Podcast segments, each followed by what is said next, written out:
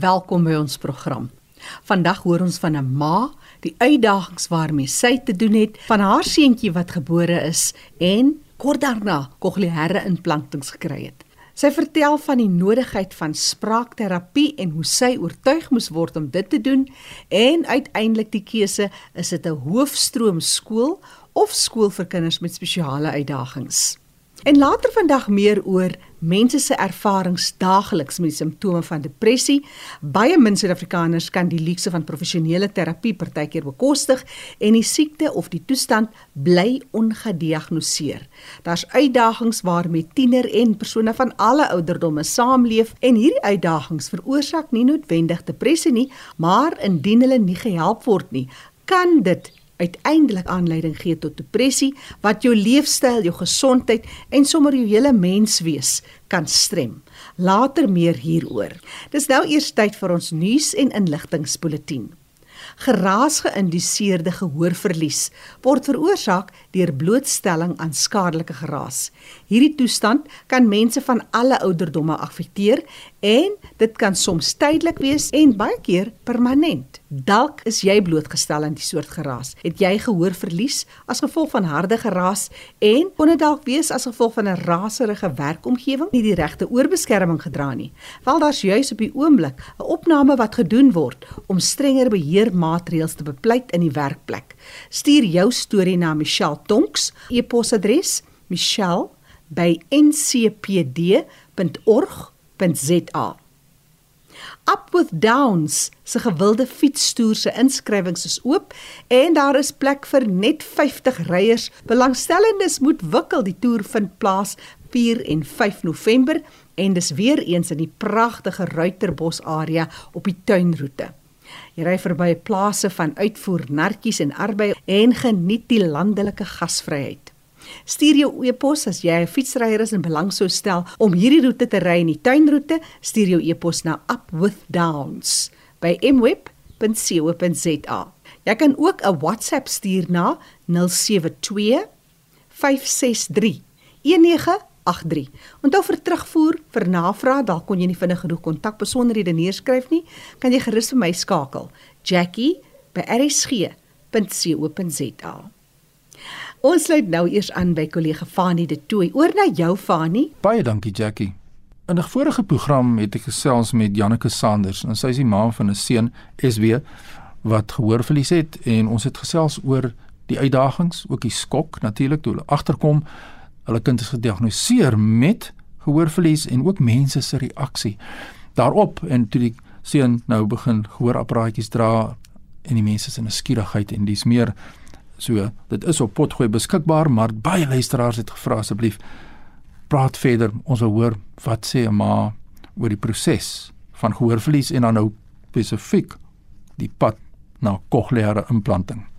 Nou by ons dan is Janneke Sanders. Janneke, welkom by RSG.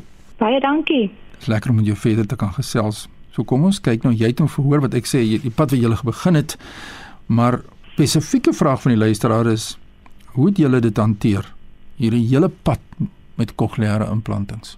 Fani, die hele proses om die implanting te realiseer was nogals angswekkend.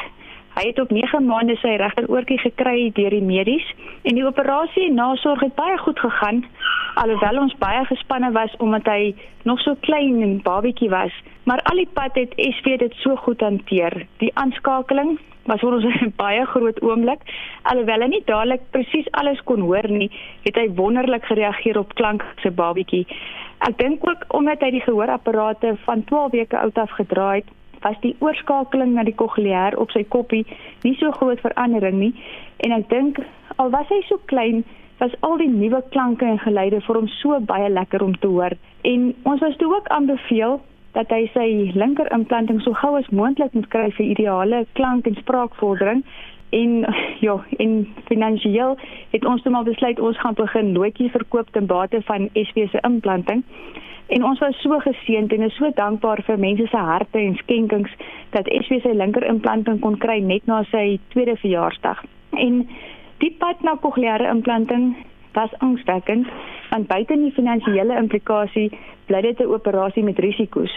So mense kan net dankbaar wees alles was 'n sukses en dat SV sy ore wat wat ons dit noem ten volle benut en aanvaar. Hier's 'n luisteraar wat wil weet, een implanting, twee implanting. Dis maar dieselfde een apparaat, twee gehoorapparate. Jy dink dit is uiters belangrik. Ja, nee, ehm um, veral om te kan op die einde te kan agterkom van waar af klank kom. Ja. As dit net een een oortjie is, is dit gaan hy nie lekker kan bewus wees van watter kant af 'n klank kom nie. Veral as jy nou gaan dink aan as hy oor 'n pad moet stap en vir karre moet kyk. Hy gaan dalk net aan die een kant hoor of wat hy kan ja, in die ruimte kan besef van watter kant af die klank kom. Ja, dis baie belangrik. Nou, ja. kom ons begin by die begin van on die ontwikkeling van die kind nou. As ek net kan terugdink in die 25 jaar wat ek nie klank gehoor het nie, het ek baie spraakterapie gekry en ek ja. moes my stem ontwikkel, bly ontwikkel. Nou kry ons hier in hierdie geval 'n babatjie, 'n jong kleuter en nou met die jou seun moet nou spraak leer, klanke leer. Was spraakterapie deel van die proses en hoe het julle dit hanteer? Jong Fanny, jy kon my met 'n veertjie omtik toe Dion se rou nou vir my um, die dag met die diagnose verwys na 'n spraakterapeut want dis daai gevoel van regtig hy's dan 'n babietjie van 12 weke oud wat hy moet mos nog nie kan praat nie. Ja. so ons het net na die diagnose na Eloise Leroux in Bloemfontein gegaan en toe sy nog boonop vir my sê sy doen nie gebaretaal nie, ons gaan hom leer praat, was ek regtig stom en vol twyfel aan die kinders op die gebied. maar dis mos nou wat van ons verwag word en alles is so te mekaar op daai tyd. So dis daai gevoel van kom ons doen dit dan net, wat weet ek tog? En so het ons elke 2 weke deurgery na Eloise toe. Deur Covid tyd het ons sommer terapie oor Zoom gedoen en hulle het ons baie tegemoet gekom omdat ons ver bly. En ek gaan nie jokkie, my twyfel oor spraakterapie was lank binne my. En Eloise het net gesê Janneke, wees geduldig en praat baie al dink jy dit is hoe onbelangrik. Praat wat jy dink. Maar dan is dit dis net daai een dag van daai een dag wat hy ietsie begin teruggee, 'n gelykie maak of iets wat ek weet ons elke dag aangeoefen het. En is dan wat jy besef, my jene, ons het 6 maande terug hierdie ding geoefen en wraggies hier doen hy dit nou. So en so het ek begin glo toe nou in spraakterapie. Ek moes dit wel aanpas met ons normale lewe. Daar is nie altyd tyd om 'n uur na werk met hom te gaan sit en terapie oefen terwyl jy nog 'n sussie het wat haar aandag moet kry en jy moet nog huishou en kos maak en en en nie. En dis dan wanneer jy dit begin invleg met daaglikse aktiwiteite. Speletjies maak met sussie saam. En hier kan ek nou ook vir jou sê, die terapeut gee haar raad en leiding en mamma en pappa het probeer, maar Essie se grootste bron van spraakterapie was sy sussie. Ja. Maar ek kan met trots sê met harde werk en tonne genade kon Essie nog al die pad sy spraak en luistermylpale bemeester tesame met die kokleaire nou ook en hy toets gewoonlik so op 60% wat beteken dat tussen 100 horende kindertjies op sy ouderdom 60 van hulle dieselfde praat en luister as SV. So is dit nie ongelooflik wat kokleaire implantings saam met terapie vir 'n dowe seentjie beteken het nie. Verstommend. Dit is my baie interessant dat jy sê ek kyk nou as 'n volwassene wat 'n kokleaire implantings ontvang het of bilaterale kokleaire implantings ontvang het. En nou loop julle die pad met julle seun SW en nou kom die kwessie van gewone skole, hoofstroomskool, dis nou julle pad vorentoe. Wat gaan julle maak? Fanie, ons kry die vraag so baie. Almal wil dit weet. en dit is nou sommer 'n lekker kort, maklike antwoord. Ja, dit is ons plan. Ons werk hard met terapie om dit te laat gebeur.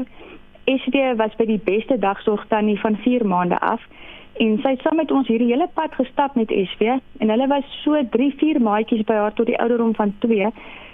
Maar nou en sy tweede implanting was net na sy tweede verjaarsdag. En die tannie was goed gesind om hom te hou. En toe hy so 2 en 'n half jaar oud word, het ons agtergekom SV begin alweer bietjie baba word. Ja. En as toe wat die terapeut Eloise vir ons sê, Hoorie, dis nou tyd vir kleuterskool. Hy is die oudste by die tannie en hy kort maatjies wat sterker as hy is om hom op te trek. So met groot spanning in die sonderhuis is SV toe nou kleuterskool toe, 'n gewone kleuterskooltjie. Hulle het hom met oop arms verwelkom en hom hanteer soos 'n normale kind wat hy is. Hy het mos net hy het mos nou net ekstra oortjies. Ja. So vir 3 dae het die maatjies vreeslik gevra wat is op sy koppie. Ek moet sê hy het sy ore geoun niemand mag daaraan raak nie, dit is sy ore. So mooi. En so SV is nou al so 2 jaar in 'n gewone pykleuterskool en hy hanteer dit so goed en sy rapport is 'n bewys dat hy goed aanpas in 'n normale klein um, kleuterskoolgie. So ja, Dis ons plan en ons werk hard dat hy na hoofstroom eendag toe kan gaan. Dis Janneke Sander wat met my gesels oor hul pad met gehoorverlies, SWLC en so kokleaire implantings en hoe hulle binne die breë gemeenskap funksioneer. Ek moet dan vir jou iets vra. Jy weet, as 'n dowe pa moes ek nou 'n hoorende kind of kinders dissiplineer. En dit was nou vir jou uitdaging, hoor, want jy kan nie hoor wat jou kind sê nie. Jy moet lippe lees. Nou, kom ek ja. gooi die saak om en ek sê jy moet jou kind dissiplineer maar die kind kan partykeers nie hoor wanneer hoorapparaat is af. Is dit 'n uitdaging die dis die dissipline in die kommunikasie? Fanie ja, dit is dit is moeilik en met tyd het ons geleer en ek moet sê hoe groter hy word, word dit ook makliker. Um, ek weet nie of dit net met SW die geval is nie, maar dis asof as een sintuig weg is, 'n ander een versterk. En van kleins af het die ouetjie se oë niks gemis nie. En ek dink met die het hy met tyd saam met sy kokleaar geleer om lippe te lees en veral liggaamshoudinge. Ons grootste stryd nou nog is badtyd, want dan is die oortjies mos nou natuurlik af. Ja. So outomaties het mens tog 'n tipe gebare aangeleer wat hy verstaan dat hy nou moet uitklim of opstaan en so aan. Maar ons tik hom net op sy skouertjie om sy aandag te kry en dan verstaan hy jou gebare of lippe. Maar as ek moet nou kom by dissipline, dissipline is moeilik veral omdat jy hom mos nou al wil jammer kry. Ja. En dit is glad nie die geval nie. Soos die terapeut ook gesê het, dissiplineer hom dieselfde as vir so aan my indien nie meer nie, dat hy nie eendag sy gebrek kan gebruik om ons te manipuleer nie. So ons dissipline in die huis hanteer ons dieselfde met al twee kinders. Mens moet net altyd seker maak dat wanneer jy raas, hy jou wel hoor of sien en dat hy dan net op die einde verstaan hoekom jy raas. en dan kan ek vir die as daar ander mammas soos ek is daar buite, haal net diep asem. Partykeer vlieg die ore. Hulle weet so goed wanneer hulle stout is en wanneer jy gaan raas. en dan jy jy sien sommer daai duiweltjies in die oë soos hy sy ore afhaal en weghardloop. En my enigste raad is net haal diep asem en ignoreer hom net so bietjie. Wat mens ook net moet besef is dat al is hy doof met die tegnologie, bly hulle maar net gewone kindertjies wat nog steeds gaan besig wees en ja. al hierdie stoute dinge doen. Ja. En dit is op die einde hoe jy as ouer dit gaan hanteer. Ja. En veral met ander boeties en sissies, moet jy net doodseker maak jy hanteer almal dieselfde.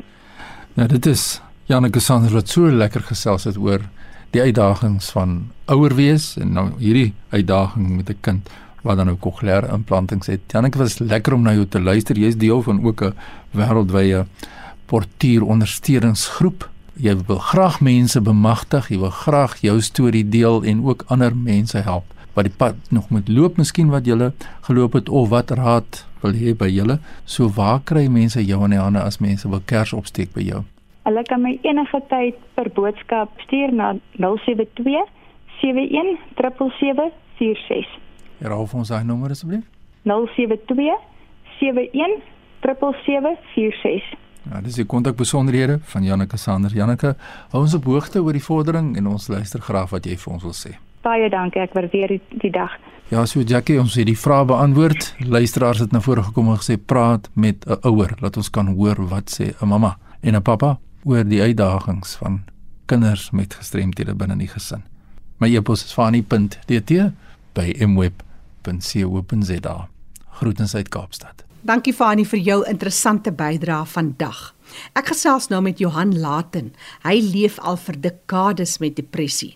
Hy vertel ons van sy houding daarteenoor, want Johan, jy het besluit en soos jy dit stel, elke dag se besluit om deur jou eie swaar kry ander te probeer bystaan en te ondersteun sodat mense beter ingelig kan wees en dat jou toestand nie noodwendig jou verder hoef te strem nie. 42 jaar gelede is ek met major depressie gediagnoseer en ek hou daarvan of verkies dit liewer om myself 'n depressievegter te noem en nie 'n leier nie want dit is uit keuse uit dat ek elke dag teen hierdie siekte beklei.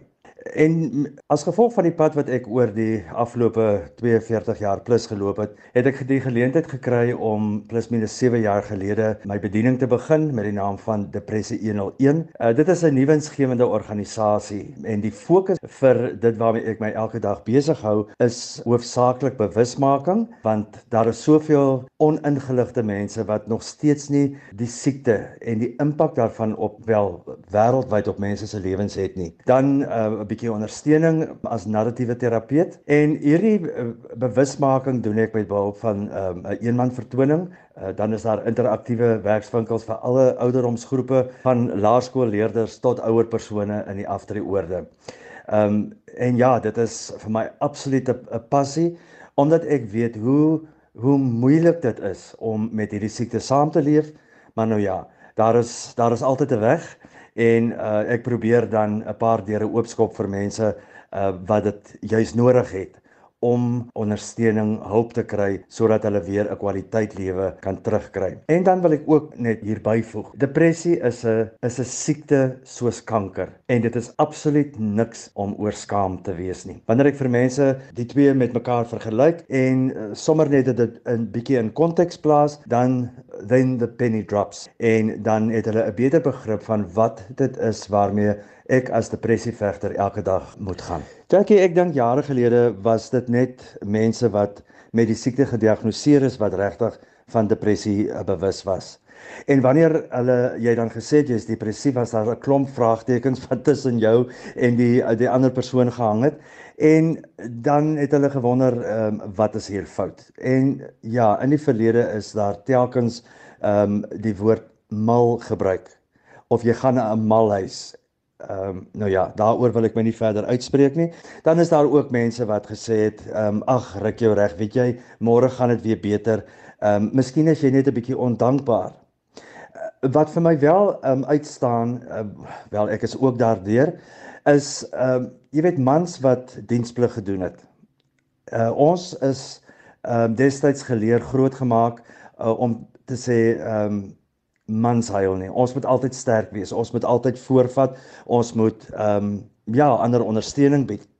Maar mans wat ehm um, deur die diensplig ehm um, gegaan het, die opleiding ehm um, aan die grens gaan uh, beklei het, het teruggekeer met 'n sak emosionele bagasie wat hulle nie geweet het wat om daarmee te maak nie. En toe hulle nou weer in die samelewing opgeneem is en hulle verhoudings begin het, jy weet met 'n gesin begin het, is hulle nooit geleer, gehelp of gelei om oor hierdie goeders te praat nie. Die huidige generasie tieners, wel hulle praat in elk geval nie, ehm um, as gevolg van die skerms waarmee hulle hulle self elke dag besig hou. Hulle het nie daardie emosionele woordeskat nie, maar ek wil my verstout om te sê 'n groot aandeel daarin is dat hulle nie in die ouerhuis geleer word nie want Ons ouers praat nie eers met mekaar nie. Ons stel hulle nie 'n uh, voorbeeld. Dit is hoe ons oor die onaangename goeters praat nie. So die kinders leer dit dood eenvoudig nie. Nou wanneer ons kyk na depressie, is dit ehm um, drie baie breë kategorieë. Dit klink maklik, maar dit is eenvoudig nie. Depressie kan oorerflik wees. Uh die bekende een chemiese wanbalans in die brein en dan natuurlik trauma. En trauma in die vorm van verlies. Vanmiddag wil ek dit bietjie in konteks plaas deur te sê wanneer jy iets verloor of dit ehm um, jou gehoor is, jou sig, miskien 'n ledemaat dat jy nou in 'n rolstoel sit, dan moet die individu by daardie trauma verbykom. Ek moet dit probeer verwerk met die ondersteuning van mense wat ehm um, miskien 'n nuwe ledemaat vir jou gee, weer vir jou leer om te loop, mense wat hulle sig verloor wat weer leer om ander sintuie te gebruik uh braille te lees of wat ook al daar buite uh vandag gebruik word. Maar dan kom daar ook die simptome van depressie wat ervaar word. Die vrae wat gevra word van hoekom ek en hoe moet ek dit hanteer? Daardie verlies wat ek moet uh, verwerk. En wanneer ek dan deur hierdie trauma gaan en ek begin die simptome van depressie ervaar, kan dit uiteindelik in depressie ontaard of daartoe aanleiding gee wanneer ek dit nie dit is die depressie simptome self of met hulp van ander mense reg bestuur nie. Johannes is seker elkeen verantwoordelik vir ons eie gesondheid van liggaam en gees, maar ons word blootgestel aan ervarings wat lewensveranderend is en is nie noodwendig iets waarop ons gehoop het om aan blootgestel te word nie. So hoe werk dit? in ag genome met depressie uit jou ervaring en as hierdie goed op 'n mens se pad kom hanteer mense dit soms anders of is dit maar basies dieselfde Ek weet nie regtig of daar 'n verskil tussen volwassenes en tieners is wanneer dit by depressie kom nie. Ek dink ons verwag dat volwassenes darm 'n beter emosionele woordeskat het, goed wat hulle oor tyd geleer het om hierdie simptome en die siekte beter te hanteer, beter te bestuur. Uh kinders praat nie, hulle het nie die woordeskat daarvoor nie en ons sien dit in die stygende selfdoodgevalle um onder die tieners. Um en dan die kinders wat deesdae met depressie gediagnoseer word, word al hoe jonger en dit is um, ja, nie net in Suid-Afrika nie, maar ook wêreldwyd is dit die geval. Wat doen ons al hieromtrent? Praat, praat, praat.